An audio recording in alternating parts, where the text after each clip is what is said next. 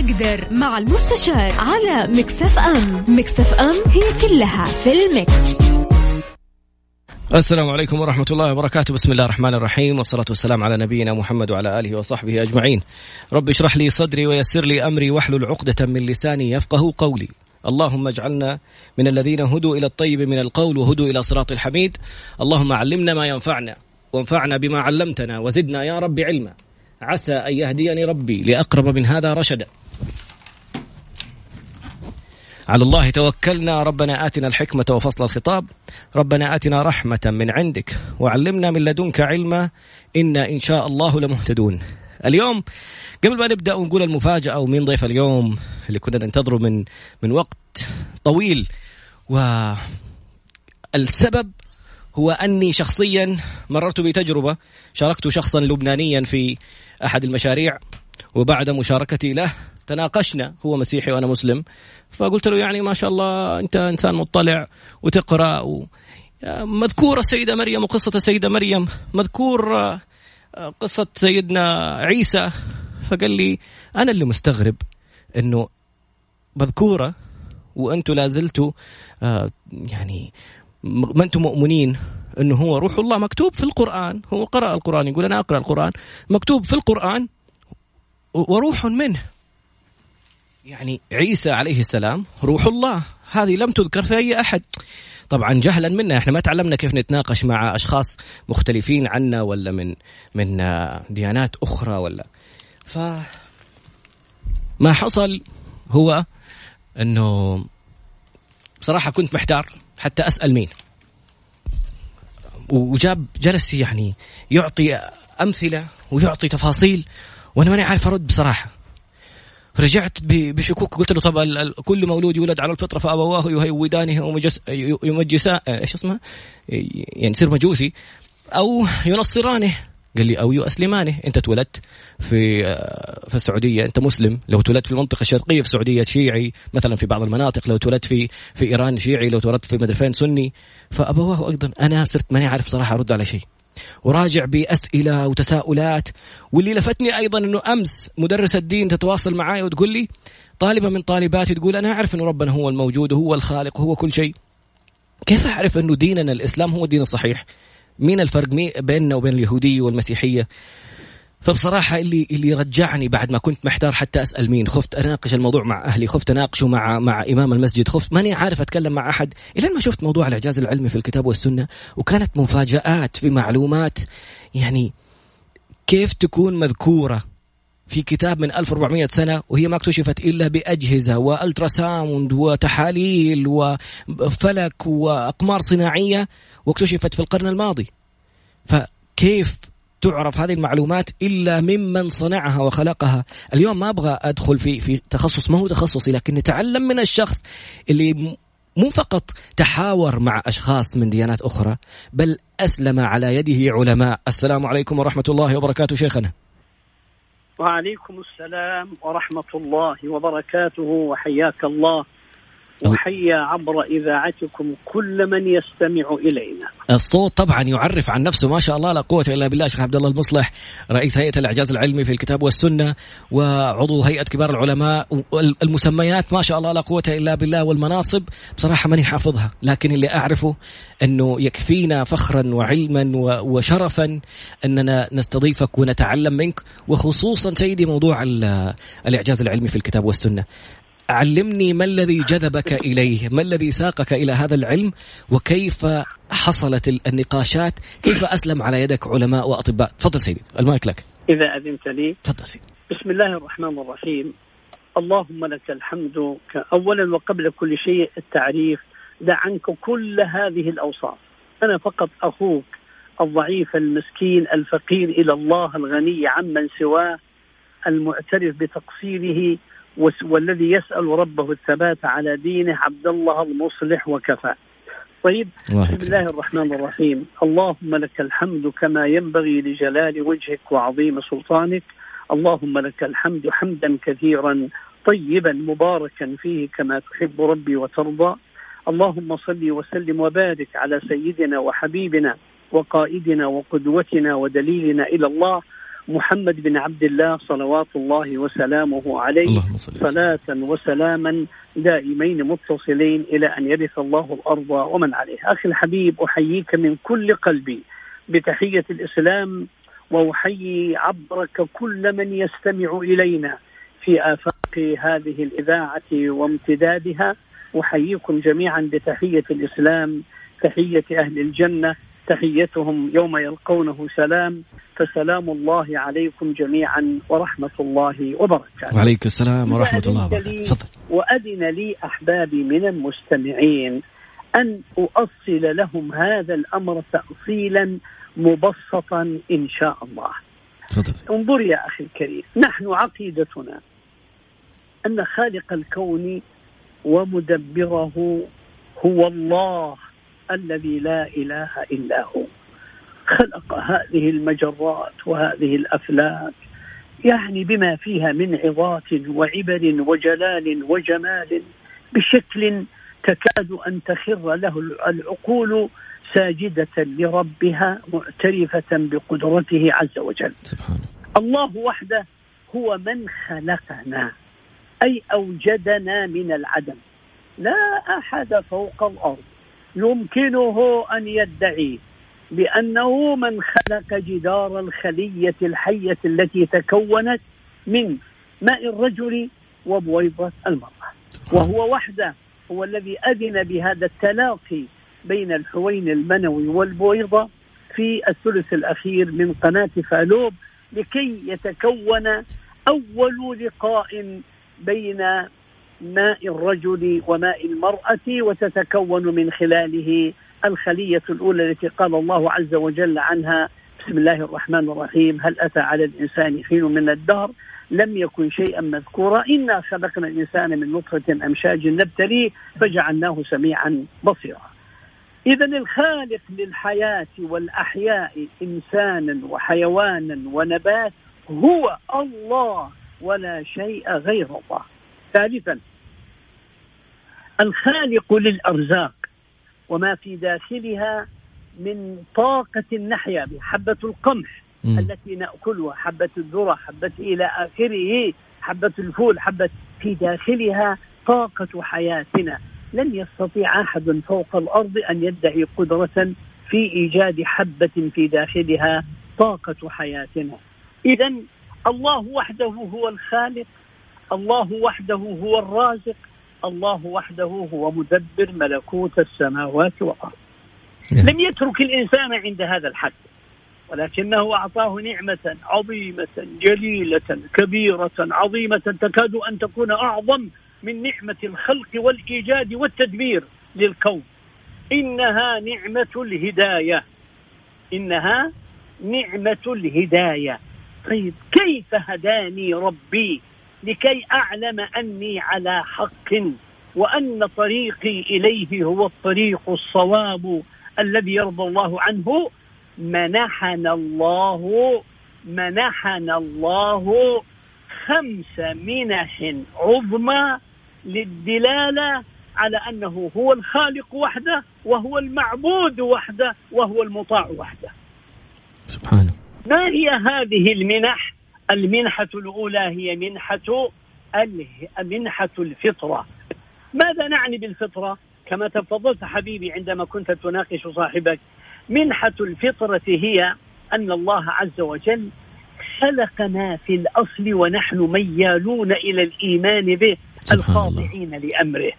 هكذا ولهذا جاءت الحديث إن الله تعالوا أيها الناس وأعلمكم مما علمني ربي هذا اليوم. قال الله لقد خلقت عبادي حنفاء فاجتالتهم الشياطين.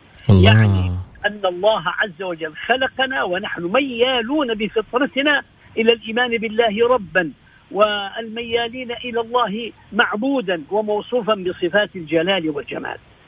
هذه الأولى. وفي الحديث كل مولود يولد على الفطرة. ثم قال الله عز ثم قال عليه الصلاة والسلام فأبواه يهودان أي يحرفانه عن الفطرة. ليكون يهوديا أو ينصرانه ليكون نصرانيا أو يمجسانه ليكون مجوسيا أو الآن عندنا أو يلحدانه ليكون ملحدا. م. أما الفطرة فهي في الأصل نقية طاهرة. هذه المنحة الأولى. منحة الثانية هي منحة العقل. أعطانا الله عقل وأمرنا بهذا العقل أن نتدبر. يعني عندما تجد يا سيدي في وجهك أربعة أنهار دمع في العين لعاب في الفم شمع في الأذن مادة معينة في الأنف. كل واحدة في مكانها تشكل حكمة. ألا تدلك هذه الحكمة على أن وراءها حكيم؟ سبحان الله الطفل في بطن أمه يتكون وهو لا يسمع ولا يرى ولا يمشي ولا يتحرك يشرب؟ يأكل ويشرب عن طريق الحبل السري. بمجرد أن يخرج من بطن امه وينقطع عنه هذا الرزق وإذا برزق يتدفق من صدر أمه. اذا تدلك هذه الحكم على الحكيم وهذه العظمة على العظيم وهذه القدرة على القادر. ولهذا أمرنا الله أن نتدبر بعقولنا. فقال عز وجل قل انظروا ماذا في السماوات والأرض وما تغني الآيات النذر عن قوم لا يؤمنون. يا أخي الحبيب الفطرة والعقل إنما يهيئان الإنسان لقبول رسالات الله ورسالات الله التي أرسلها إلى البشر جميعا. صاحبت وجود الإنسان من أول يوم وطئت فيه قدم الإنسان على ظهر الأرض. فقد كان أبونا آدم نبيا مكلما. يعني يكلمه ربه ويعلمه أنه عبد الله وأنه لا بد أن يطيع ربه وأنه لا بد أن يلتزم شرعه وعلمه الشريعة والحياة وعلم آدم الأسماء كلها. علمه كل شيء. واستمرت الرسالات في الأرض.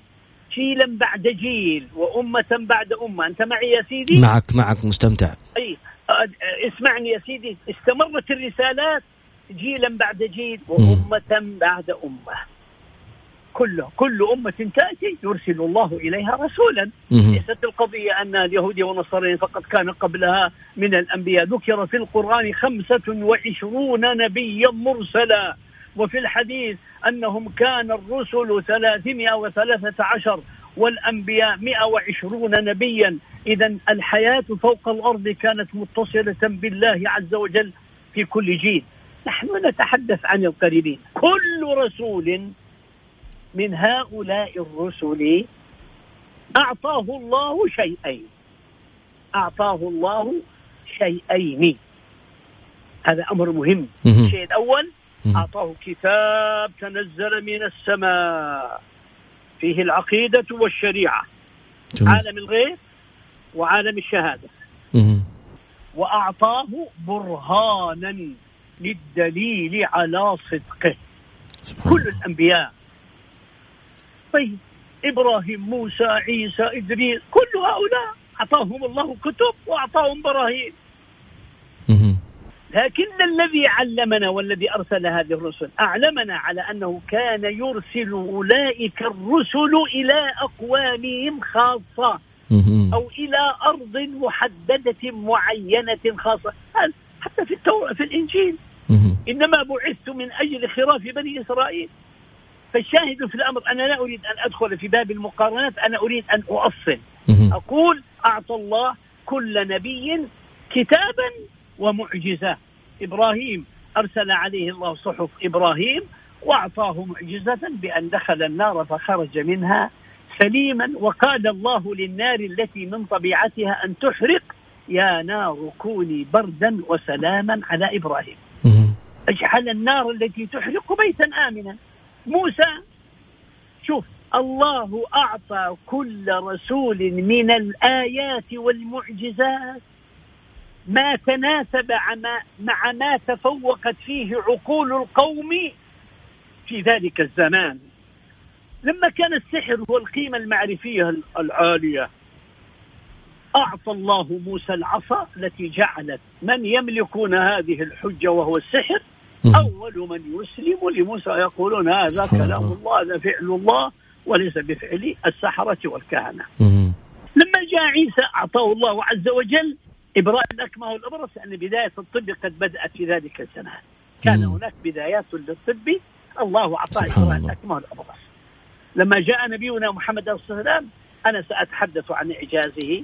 أقول لما بعث محمد صلى الله عليه وسلم وإذا بنا نجد أن بعثته ورسالته لها خاصية لها خواص. هذه الخاصية إن شاء الله في الفقرة القادمة. خليك معنا شيخ عبد الله المصلح رئيس هيئة الإعجاز العلمي في الكتاب والسنة مستمتع لدرجة الصمت التام. الشيخ يقول لي معي وأنا أقول له معك مستمتع بصمت. في الفقرة القادمة ما الذي اختص الله به سيدنا محمد عليه الصلاة والسلام؟ ما الذي ميز به رسالته؟ وثم ننتقل بإذن الله على الفقرات التالية كيف أسلم علماء الغرب؟ جاني أحد الأسئلة يقول كيف نرد على من يستدلون بالأحافير على تطور الإنسان وهو شيء منافي لمعتقداتنا وديننا؟ أن آدم عليه السلام هو أول الخلق وكان إنسانا رسولا نبيا بعد قليل بإذن نعم. الله. ابقى معنا شيخنا. بعد الفاصل أنت تستمع إلى Mix FM برنامج أنا أقدر وفي حلقة قصص النجاح يوم الأربعاء البرنامج من الاثنين إلى الخميس. الاثنين دورات تدريبية الثلاثاء كتاب الأربعاء قصص نجاح والخميس مع المستشار القانوني خالد أبو راشد. اليوم مع قصة نجاح إسلام علماء على يد الشيخ عبد الله المصلح رئيس هيئة الإعجاز العلمي للكتاب والسنة. بدأنا في الفقرة الماضية تأصيل الموضوع أنه كل مولود يولد على الفطرة كل إنسان ولد وهو يميل للاعتراف وللإذعان وللإيمان بأن الله هو الخالق.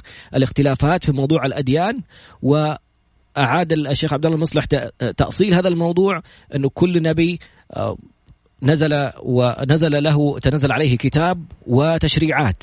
وفي معظم الكتب أو في كل الكتب اللي اللي ذكرت فيها بعض المعجزات ذكر في التوراة وذكر في الإنجيل معجزة آه، سيدنا عيسى ومعجزه سيدنا موسى والمعجزات اللي حصلت في الأنبياء اللي مذكورة أصلا في القرآن.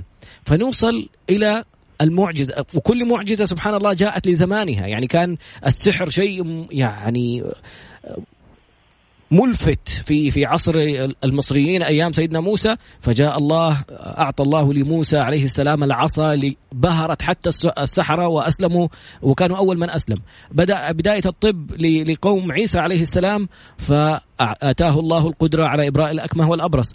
ثم نبينا عليه الصلاة والسلام ما الذي كان يميز رسالته؟ تفضل شيخ عبد الله.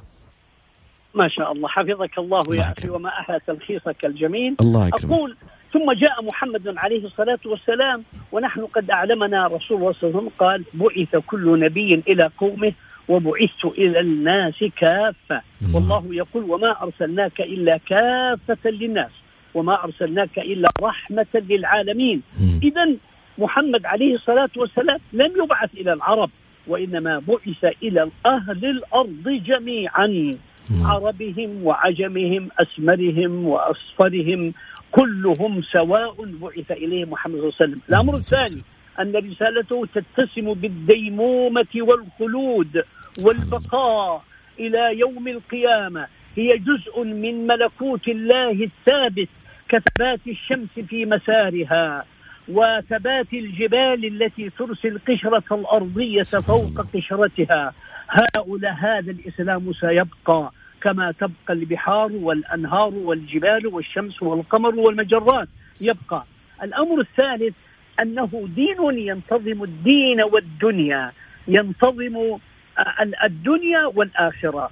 ولأنه بهذه الكيفية لم تتوقف إعجازاته على الإعجاز المادي كالعصا وإبراء الأكمه والأبرص. وإن كان الله قد أعطى محمدا من عليه الصلاة والسلام من الإعجازات المادية ما فاق أكثر من ألف إعجاز. نبع نعم. الماء من بين أصابعه حن الجذع لا كشف الله له حجب الغيب فحدثنا عما كان وعما سيكون وعما هو كائن.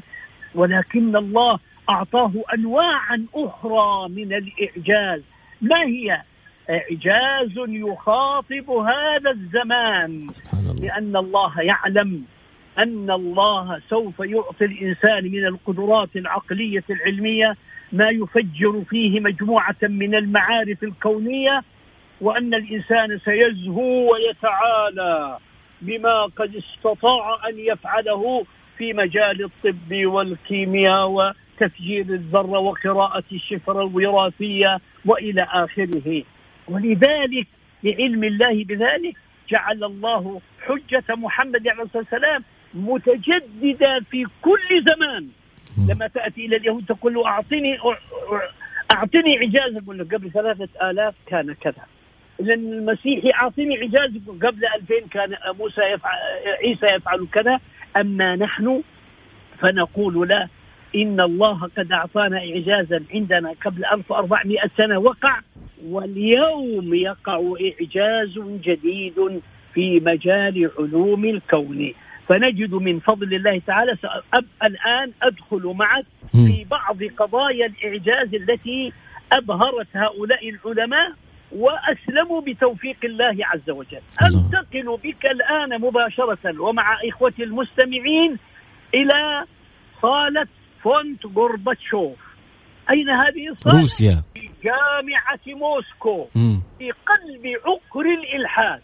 عندما ذهبنا وعقدنا مؤتمرنا للإعجاز العلمي في القرآن والسنة وحضره معنا أكثر من أربعة وستين عالما روسيا ونحن أتينا معنا بحوالي مئة عالم في الإعجاز وبدأ الحوار وبدأنا نعرض أبحاثنا وإليك بعض هذه المفاجأة.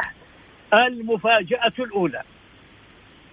عندما كنا نشرح قول الله تعالى فمن يرد الله أن يهديه يشرح صدره للإسلام ومن يرد أن يضله يجعل صدره ضيقا حرجا كأنما يصعد في السماء.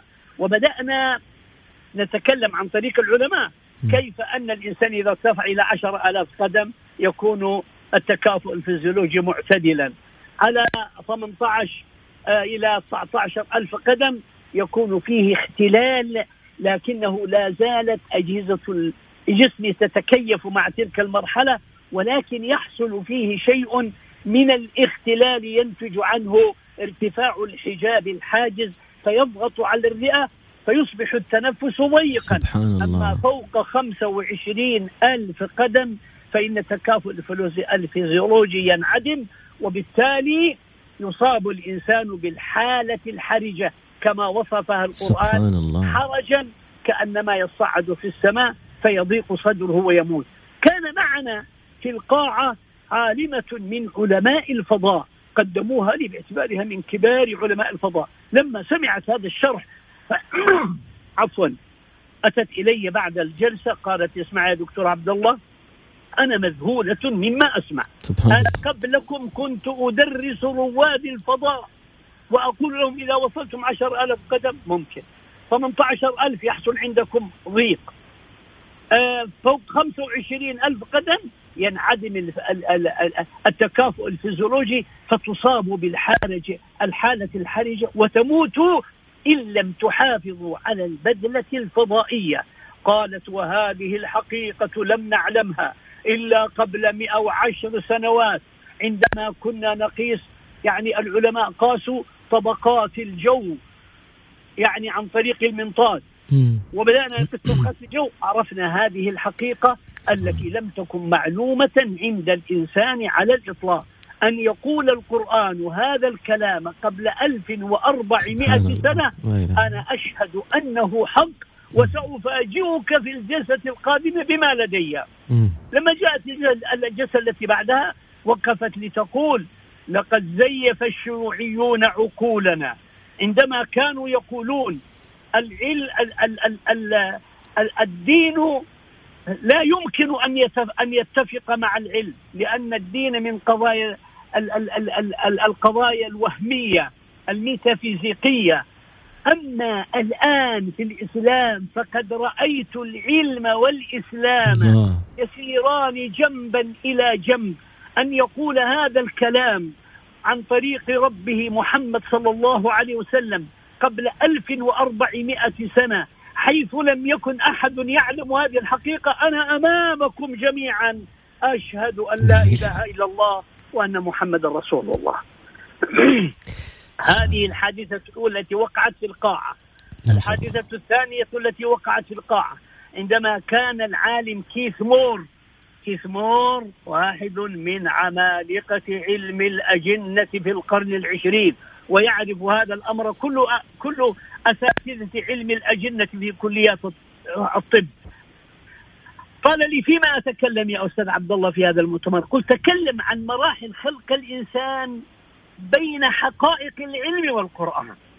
وبدأ الرجل يتكلم. أن الإنسان يبدأ يتكون من هذه الخلية وتتكون ماء الرجل وماء المرأة العلم يقول هكذا والقرآن يقول لما سئل محمد مما يخلق؟ قال من كل يخلق من ماء الرجل وماء المرأة. بالمناسبة يا سيدي معرفة الغرب لأن الإنسان يخلق من الحوين المنوي ومن البويضة يلتقيان فيشكلان. أول خلية لم تعرف إلا في بداية القرن الثامن عشر. في بداية القرن الثامن عشر. عندما اخترعوا الميكروسكوب وبدأوا ينظرون إلى آه إلى الحوين المنوي وهو يندغم في البويضة. على أي حال. قال ثم هذه البويضة تنقلب إلى علقة. هذه البويضة تنقلب إلى علقة. ونحن نعلم ذلك أنها تنقلب إلى علقة. والقرآن يقول فخلقنا النطفة علقة. قال وبعد العلقة تتكون على شكل مضغة. ويري الناس صورتها. يقول والقرآن يقول فخلقنا العلقة مضغة. كيف يقول مضغة دكتور؟ يعني إيش قصده بمضغة؟ يعني المراد بالمضغة أنه يتكون الإنسان على شكل مضغة. يتحول من علقة إلى أن يتكون على شكل مضغة. على قدر مضغة الفم يعني حجم ال... مو على شكل هكذا بس فقط يا حبيبي. لو م. رأيت صورتها ترى حتى فيها بدايات بدايات تكون العمود الفقري على شكل نقط كأنها تماما مضغة مضغتها وأريتها على شكل مضغة. وهذه المضغة يا سيدي في داخلها عجائب لكن البرنامج لا يتسع لها.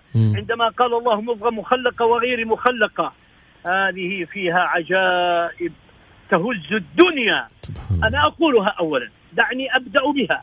قبل أن أنتهي من من قصة كيك مور. في اليوم ما بين اليوم الرابع عشر والعشرين في مرحلة تكون المضغة يتكون ما يعرف عند الأطباء بالشريط الأولي والشريط الأولي في داخله خلايا جذعية محفزة.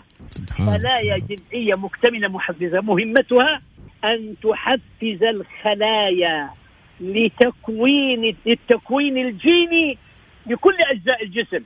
توجهي أنت لصناعة القلب توجهي أنت لصناعة الرئة توجهي أنت لصناعة تحفيز بأمر الله يأمرها بأن تحفز الخلايا للانقسام الجيني. بعد أن تنتهي هذه الخلايا المحفزة تعود فتنكمش ينكمش هذا الشريط في أسفل العمود الفقري. يتحول الإنسان من مضغة إلى هيكل عظمي ثم يكسى العظام باللحم ثم تبدأ النشأة المتكاملة وهذه الخلايا موجودة في أسفل العمود الفقري. أرجوك أن تنتبه وأن ينتبه المستمعون معنا. بعد أن يولد الإنسان ويعيش ما شاء الله له أن يعيش أسأل الله أن يجعلنا وإياكم ممن طال عمره وحسن عمله. آمين. ثم يموت. يقول عليه الصلاة والسلام إذا مات الإنسان يفنى من ابن آدم كل شيء. ويبقى عجب الذنب هذا الشريط الأول سبحان الله. منه بدأ الخلق عملية التكوين الجيني وفيه يركب يعاد تركيبه. هذه الخلايا الجذعية اتفقنا مع بعض الجهات العاملة في هذا الباب قالوا حرقنا هذه الخلايا وجدناها حية. طحناها وجدناها حية. سبحانك يا رب. آه، صبينا عليها حمض الكبريت وجدناها حية. فستبقى الخلية حية لا تموت. يقول عليه الصلاة والسلام يفنى من ابن آدم كل شيء تتحلل كل خلاياه ويعود ترابا. إلا عجم الذنب لا يموت أبدا. وتبقى هذه الخلية ليركبه الله من جديد. سبحان هذا كلام رسول الله الذي كشف الله له حجب الغيب. على أي حال يا سيدي خليني أكمل قصة كيث مور. لما بدأ يقول كيث مور هذا الكلام فإذا بأحد أطباء الروس الموجودين في القاعة لم يتمالك نفسه فصرخ وهو في القاعة يا كيث مور كأنك تقول بهذا الكلام أن القرآن حق وأن محمدا حق وأن الإسلام حق. يا أخي الحبيب والله الذي لا إله إلا هو. رد عليه ردا لو كتب بماء العينين أو بالذهب والفضة لكان قليلا عليه. قال له يا دكتور فلان أنت تعلم وأنا أعلم وكل زملائنا في علم الأجنة كلهم يعلمون أن معرفتنا بهذه المراحل نطفة ثم علقة ثم مضغة ثم تتحول المضغة إلى هيكل عظمي ثم تكسى العظام باللحم إلى آخره ثم تبدأ النشأة. خلقك فسواك فعدلك. لم نعلمها كأطباء. أرجوك أن تحفظ مني هذا الرقم يحفظه المشاهدون المستمعون. لم يعلم إلا في سنة 1916 والقرآن يقول هذا الكلام قبل 1400 سنة حيث لم يكن فوق ظهر الأرض من يعلم هذه الحقائق. أنا أقول أمامكم أشهد أن محمدا يتلقى الوحي من الله وبالتالي فهو رسول الله. لا إله إلا الله. لا إله إلا الله. طيب على أي حال أقول أعطى الله محمد هذا الإعجاز وأنا فقط أنا أحدثكم عنه ومضات. لكن في داخل القرآن 1300 آية إعجاز. سبحان ما علي إذا لم يكن المسلمون قد أعطوا القرآن حقه هم المسؤولون أمام الله وسيسألنا ربنا لم لم تخرجوا هذه الحقائق وتبثوها إلى أهل الأرض؟ هذه مسؤوليتنا. الله يقول عنا يصف لنا حبيبه محمد صلى الله عليه وسلم والسائرين خلفه قل هذه قل هذه أدعو إلى الله على بصيرة أنا ومن اتبعني. على بصيرة. فرسالة محمد الدعوة ورسالتنا من بعد أن ندعو الناس إلى الله. إلى الله أن يعرفوا ربهم وأن يعبدوه لأن في معرفتهم لربهم وعبادته يسلم الإنسان من الظلم والحيف والجور والظلم وغيره عليه حال. هذه قصة يا أخي ونحن في في في داخل في في داخل قاعة فندق غورباتشوف اعطيك قصة ثالثة.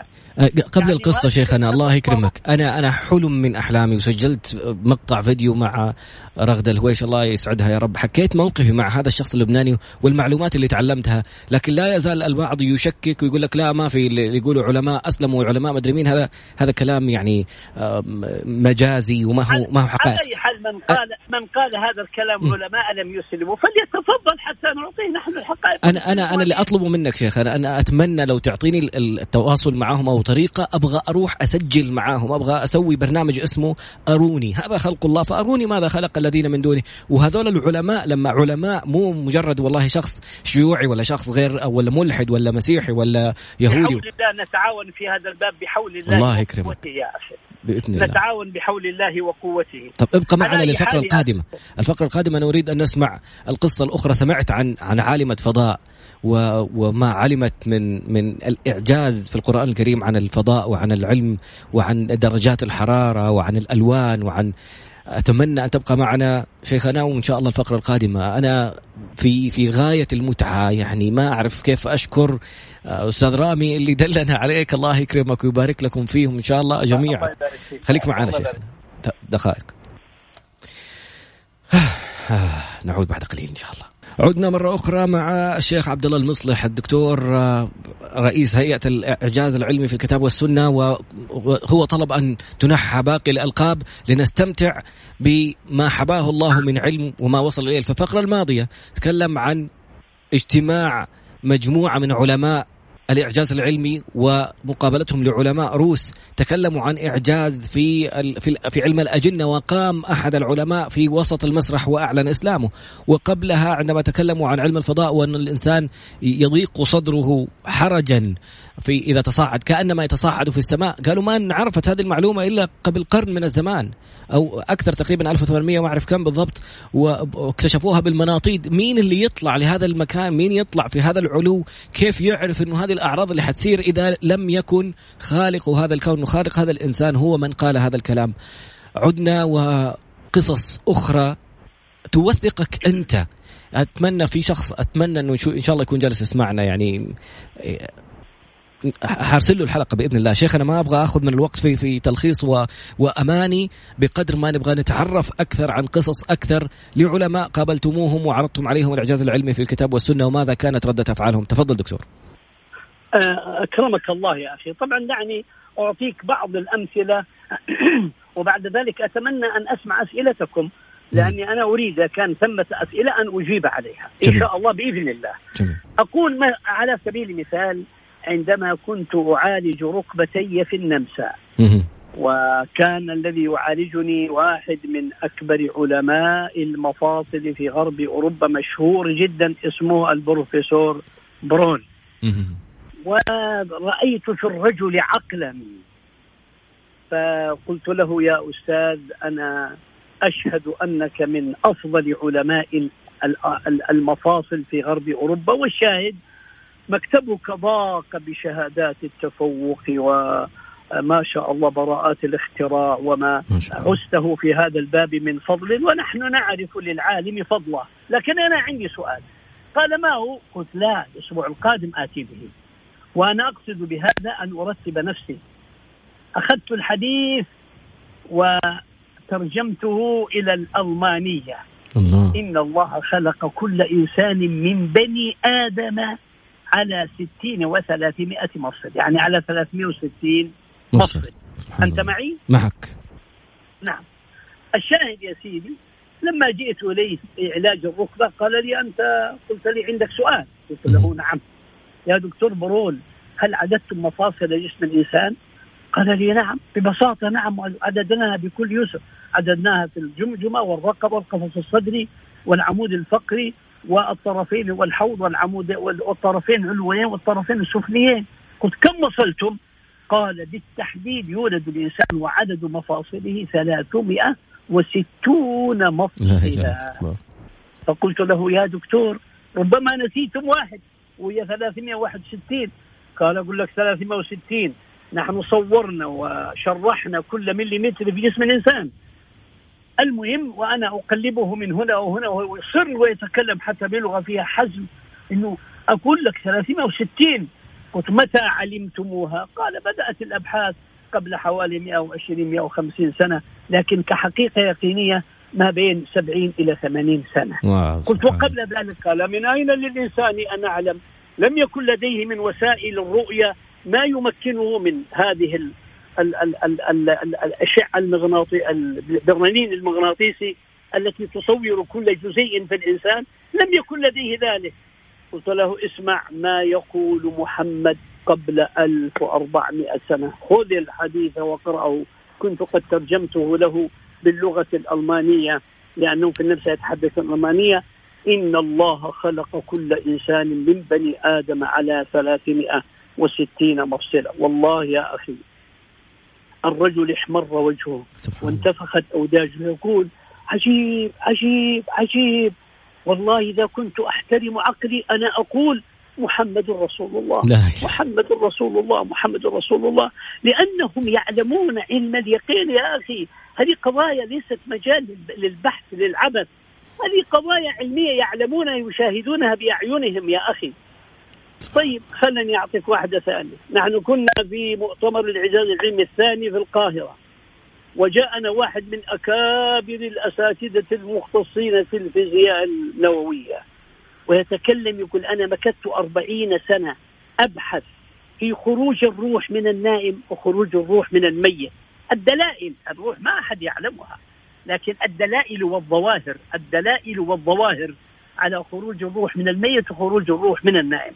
يقول وتبين لي بعد أربعين سنة ومئات الحالات ومئات المشاهدات ودق الأجهزة أن نفس الإنسان تخرج سبحان الله. منه في نومه كما تخرج في موته. سبحان الله. إلا أنها عند الموت تخرج ولا تعود وفي المو وفي النوم تخرج وتعود. فلما انتهى من بحثه قرأنا عليه قول الله تعالى الله يتوفى الأنفس حين موتها والتي لم تمت في منامها فيمسك التي قضى عليها الموت ويرسل الأخرى لا إلى أجل. مسمى. والله يا إخواني وقف في داخل القاعة قال اسمعوا أنا عمري 73 سنة وأنا أريد أن أقابل ربي بهذا الدين الله. كيف أكون مسلما مثلكم قلنا اصعد إلى هذا مصور موجود إلى الآن في في في, في, في أدبياتنا. وقف يقول أشهد أن لا إله إلا الله وأن محمد رسول الله. إخواننا في مصر ما شاء الله وضعوه عضو في المجلس الأعلى للشؤون الإسلامية. على أي حال أنا أقول هذه شواهد أهل العلم. ليست عبثا ليست حكاية ألف ليلة وليلة يا إخوان. افتحوا عقولكم. من أراد أنا أقول دائما باستمرار لما سألوني مرة سألني عبد الله مديفر في حديث الجمعة وهو من أشهد المحاورين. قال لي قلت له اسمع لا يرد الإعجاز إلا جاهل أو مكافر. أما من فتح عقله للعلم والحق والعدل فإن براهين الإيمان في هذا الزمان كلها تشهد أن لا إله إلا الله وأن محمد رسول الله وأن الإسلام حق وأن الطريق إلى الله هو طريق محمد صلى الله عليه وسلم. أروني ماذا عند غيرنا؟ فليأتي غيرنا بما عنده. قل هاتوا برهانكم إن كنتم صادقين أما نحن هذه براهين ديننا الدالة على أن محمدا رسول الله وأن دينه حق وأن الطريق إلى الله الآمن السالم هو هذا الطريق طريق هذا الدين. هكذا يا أخي. وأقول لك يا سيدي هذه التي أحدثك عنها قضايا خفيفة. يعني قضية اسمعني يا أخي آخر واحدة آخر واحدة حتى في مجال للأسئلة هي قضية كوستو عالم البحار المشهور. من الذي لا يعرف كوستو؟ أستاذ علم البحار في القرن العشرين الذي أمضى جزءا ضخما من حياته فوق بارجته في البحار يتنقل من بحر إلى بحر. لما جاء وقطع المسافة بين البحر الأحمر وبحر العرب ووجد بينهما حاجزا وأنه لا يبغي بحر على بحر سبحان لأن الله. لكل بحر مكوناته وأن بينهما حاجز حاجز من لا, لا يمكن أن يطرى هذا على هذا سبحان الله وبدأ يرسل رسائله إلى الدنيا فيصعد إليه أحد العاملين معه من شمال أفريقيا وعنده نسخة مترجمة من القرآن في معانيها إلى الفرنسية. وصعد إليك ليقص وأنا أهنئك على على هذا الكشف لكن أريدك أن تقرأ هذا المقطع في هذا الكتاب. مرج وعرض عليه قول الله تعالى مرج البحرين يلتقيان بينهما برزخ لا يبغيان. قال فلما قرأها رفع صوته قال من قال هذا الكلام؟ ما في حد قاله قبلي. قال قال هذا الكلام من خلقك وخلق البحر وخلق السماء وخلق إله إلا الله. الذي أرسله لمحمد صلى الله عليه وسلم. أسلم. وسجلوا عني سجلوا عني. وأنا مسؤول عما أقول. أني أرسلت إلى كوستو أحد العاملين معنا في الهيئة. الله يرحمه. توفي. اسمه الدكتور عبد الرحمن بافضل. أرسلته إلى فرنسا يعني عبد الرحمن هذا أخذ الدكتوراه في الفيزياء من فرنسا. فأرسلته إليه وقلت له هل لا زلت مسلما؟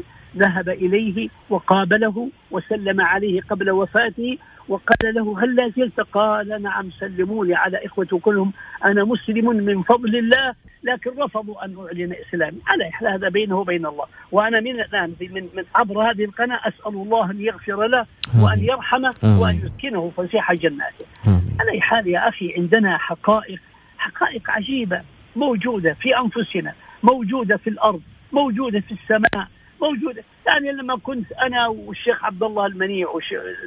على حال ومعي مجموعة من المشايخ نتحدث مع واحد من كبار علماء ألمانيا في تاريخ القمر. لما قلنا له ماذا تقول كيف كان القمر في أول نشاته قال كانت ملتهبة ثم انطفأت. قلنا هذا الكلام هو الذي قاله النبي صلى الله عليه وسلم. كانت القمر مشتعلة كالشمس ثم انطفأت. سبحان الله. فلما قلنا له هذا الكلام قال يا أخي من علم محمدا وانطفاء القمر كان قبل ملايين السنين إلا أن يكون الله قد علمه؟ فالشاهد يا إخوتي علينا أن نتأدب مع كتاب الله وأن نتأدب مع القرآن وأن نتمسك بحقائق العلم. نحن لا ندعو الناس إلى أوهام وإنما ندعوهم إلى حقائق يقينية يجب عليهم أن يفتحوا عقولهم لها. على حال أسأل الله لي ولكم التوفيق. ما أريد أن أطيل عليكم لأنه يبقى من وقتي للقليل وإذا في أسئلة أنا مستعد أجيب عليها. بعد تفضل. بعد دقيقتين إن شاء الله شيخنا حيكون أول سؤال إن شاء الله نأخذه في الفقرة القادمة. أحد الأشخاص يقول ماذا نرد على من يقولون أن هناك أحافير تثبت تطور الإنسان؟ نجاوب عليها في الفقرة القادمة. كن معنا أبشر أبشر إن شاء الله. بعد قليل.